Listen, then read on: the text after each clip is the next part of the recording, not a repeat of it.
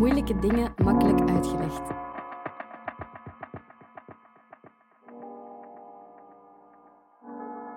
Dit is de podcast van Moeilijke Dingen Makkelijk Uitgelegd. Wie de wereld wil verbeteren, moet wel begrijpen hoe die werkt. Daarom laten we in Moeilijke Dingen Makkelijk Uitgelegd een expert 10 minuten aan het woord om een complex onderwerp uit te leggen.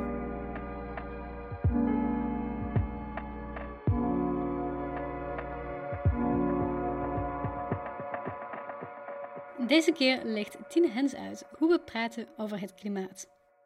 Vaak word ik gevraagd om te praten over het klimaat. Men zegt dat het goed is, van belang is, hard nodig is om te praten over het klimaat. Want wij doen er te weinig aan. We stappen nog steeds te veel in onze auto's, staan te vaak stil in onze auto's, vinden geen plaats voor onze auto's.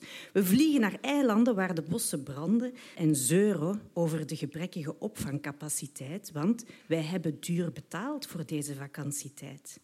Wij smikkelen zo graag varkenshaasjes, kippenvleugels, stek Black Angus het liefst Saignon. Wij kopen hopen van wat wij niet nodig hebben, maar die airfryer, bladblazer, lipbalsem, halsband met ingebouwde ledlampen zijn in een klik geleverd en besteld. En diep van binnen weten wij het wel. Dat het niet langer gepast is, dat het niet hoort, dat minder gewoon beter is dat soberheid een deugd is. Maar overdaad is een lust. En wat is het zalig om lustig te leven, alsof het ons niets kan schelen. Wie shopt en hopt en schrokt en op Instagram vakantiefoto's post, wordt met een gevoel van normaliteit beloond. Het is wat hoort. Wie niet meedoet, wie weigert en nee zegt, bederft de pret. En dus moeten wij praten over het klimaat, om ons bewust te maken van wat er om ons heen gebeurt, dat de draden die het leven samenhouden uit elkaar rafelen. We zitten in de zesde uitstervingsgolf. Van de vorige vijf waren de oorzaken een meteoriet, botsende continenten, vulkanen. Nu zijn wij de oorzaak. Onze modetrends zijn de botsende continenten. Wat en hoe wij eten is de meteoriet. En hoe wij ons verplaatsen is de vulkaan. Dus moeten wij erover praten. De problemen benoemen. Het onderwerp niet vermijden als lastig te bespreken, als domper op de feestvreugde. Want ja, praten over het klimaat, neem het van mij aan, ervaringsdeskundige, is naast de huidziekte van je schoonmoeder het onderwerp bij uitstek van de partypoeper. En dus leggen wij het liever naast ons neer, terwijl we er net overal over moeten praten. Op het werk, bij de bakker of de kapper, aan de keukentafel. Om te onderzoeken wat ons stoort, wat ons hindert en tegenhoudt. Mensen bewegen pas als ze weten, wordt er beweerd. En ook dat kennis heilig is. Wie ben ik om heiligheid tegen te spreken? Dus praat ik heel erg vaak over het klimaat. Gisteren nog mocht ik praten over het klimaat. Ik had het over de geschiedenis van onze kennis. Over hoe lang wij al weten dat door steenkool, olie en gas te verbranden de CO2-moleculen die opgeslagen werden door die stokoude wouden van varens en palmen in de atmosfeer belanden. En dat hoe meer CO2 boven onze hoofden wordt gestort, hoe heter het hier onder onze voeten wordt. Ik vertelde over de metingen, onderzoeken, rapporten, conferenties, nog meer rapporten en metingen en onderzoeken en conferenties, minstens 27 internationale klimaattoppen die we al uitvoerden, schreven en organiseerden om de opwarming te stoppen maar dat één ding schijnbaar hetzelfde blijft. De CO2 stijgt. Hoe komt het toch, stelde ik de vraag, dat wij zoveel weten en toch niet doen wat moet? Hoe heilig is kennis eigenlijk? En hoe slim de Homo sapiens? Of is hij enkel verstandig in de naam die hij voor zichzelf bedacht? Het klopt natuurlijk wat u zegt, klonk het vanuit de zaal. maar het is zo deprimerend allemaal. Kan het niet wat enthousiasmerend? Ik noteerde. Praten over het klimaat kan maar beter enthousiasme opwekken. Een andere keer ging ik praten over het klimaat. Ik doe dat dus echt heel veel. Hè. Ik toonde grafieken, allemaal lijnen als pijlen omhoog. Een stijgende lijn van de zee, een stijgende lijn van de temperatuur, een stijgende lijn van de bossen onder vuur. En normaal houden wij van lijnen die stijgen. Wij voelen er enthousiasme bij. Economie, groei, levensverwachting, hop, hop, hop, allemaal de hoogte in. Wij juichen bij het goede nieuws. Maar als het gaat over het klimaat, zijn die opgaande lijnen het slechte nieuws. En ik had het over de noodzakelijke knik in de grafiek. Pas als de lijn daalt, doen wij meer dan enkel praten over het klimaat. Maar die knik is er nog niet.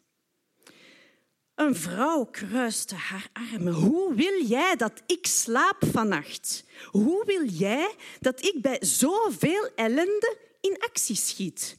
En een jongen achter in de zaal riep: Ik ben het beu om altijd hetzelfde te horen. Ja, wij weten het. Ja, wij doen er niets aan. Maar zeg eens op mijn leeftijd, waarop moet ik hopen? Ik noteerde. Praten over het klimaat kan maar beter hoopvol zijn. Opnieuw ging ik praten over het klimaat in een grote zaal aan de kust. En ik vroeg mij af of ik moest vermelden dat hun statige zaal, waar vroeger roulettes en goktafels stonden, dreigde te overstromen als wij niets deden aan het klimaat. Maar toen dacht ik aan de publiekseisen voor praten over het klimaat, enthousiasmeren, hoop serveren en een dreigende verzwelging door de zee hoorde bij geen van de twee. Ik had het over alles wat mogelijk was en schetste de prachtige fossielvrije wereld die voor ons lag. De schone lucht die wij zouden inademen, omdat wij niets meer verbranden om van alles te maken. Steden als groene dekens met bomen en rivieren die weer mogen stromen. Auto's die minder ruimte opeisen omdat we ze delen. Over windmolens en daken vol zonnepanelen. Plantaardig eten dat goed is voor ons en voor de dieren die mogen blijven leven. Toen het tijd was voor vragen, schoot er een hand omhoog. Dat ik dat toch wat rooskleurig voorstelde. En waarom ik niets over het militaire apparaat vermeldde. Waarom ik zweeg over de voetafdruk van de mode-industrie, van de veeteelt, van de luchtvaart, van de cementfabriek waarom ik het weinig over het systeem had en te veel over het individu. Want was dat niet wat ons naar de verdoemenis helpt? Dat wij de aarde niet langer zagen als een planeet vol wonderlijk leven, maar als een kapitalistische winstmachine. Wist ik trouwens dat die fameuze ecologische voetafdruk een uitvinding is van BP? Uh, nee. Ik noteerde.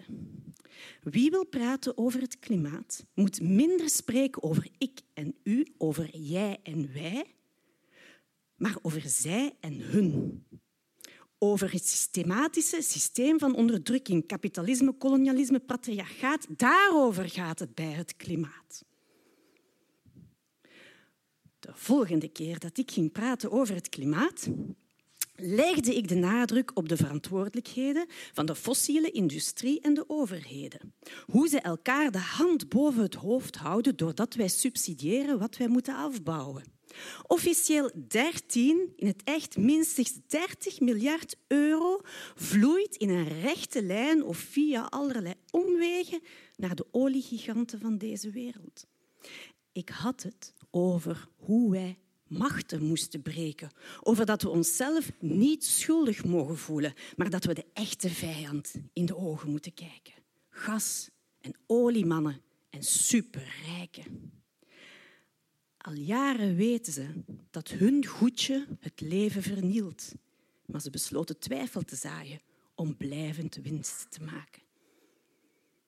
Maar, sprak iemand toen, kan jij mij ook vertellen wat ik kan doen. Want dit maakt mij boos, maar ook machteloos. En ik wil mij zo niet voelen. Ik heb nood aan concrete paden en doelen, aan wat ik waar en wanneer moet kiezen. Ik noteerde. Wie praat over het klimaat, mag de mens in het systeem niet uit het oog verliezen. En u raadt het al.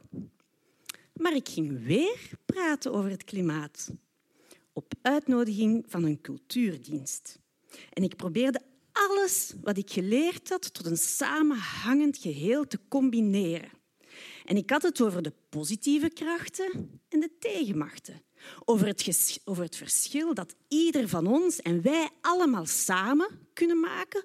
Over de sense of urgency die iets heeft van een revolutie. Over het belang van alle soorten actie dat je plantaardig kan eten, meer fietsen en de trein nemen, lid worden van een energiecoöperatie, je geld bij de foute banken weghalen, herstellen wat kapot is gegaan, zowel van spullen als de aarde. Alleen over jezelf vastlijmen aan een schilderij bestond in die kringen wat discussie. Dat had te veel waarde om te worden beschadigd. En ja, ook de aarde heeft waarde, maar toch, dat schilderij. Wie een weg wilde blokkeren, die kon een weg blokkeren. En sommigen die werden helemaal enthousiast. Die droomden ervan oliepijpleidingen te saboteren.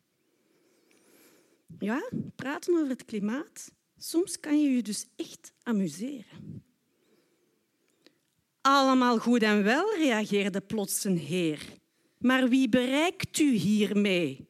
Dreigt u niet voor eigen kerk te preken? Met moet u uw boodschap niet een beetje verbreden? Want het klimaat is mede om zeep omdat acties polariseren. U bent misschien niet op de hoogte, mevrouw, maar niet iedereen is mee. Ik noteerde.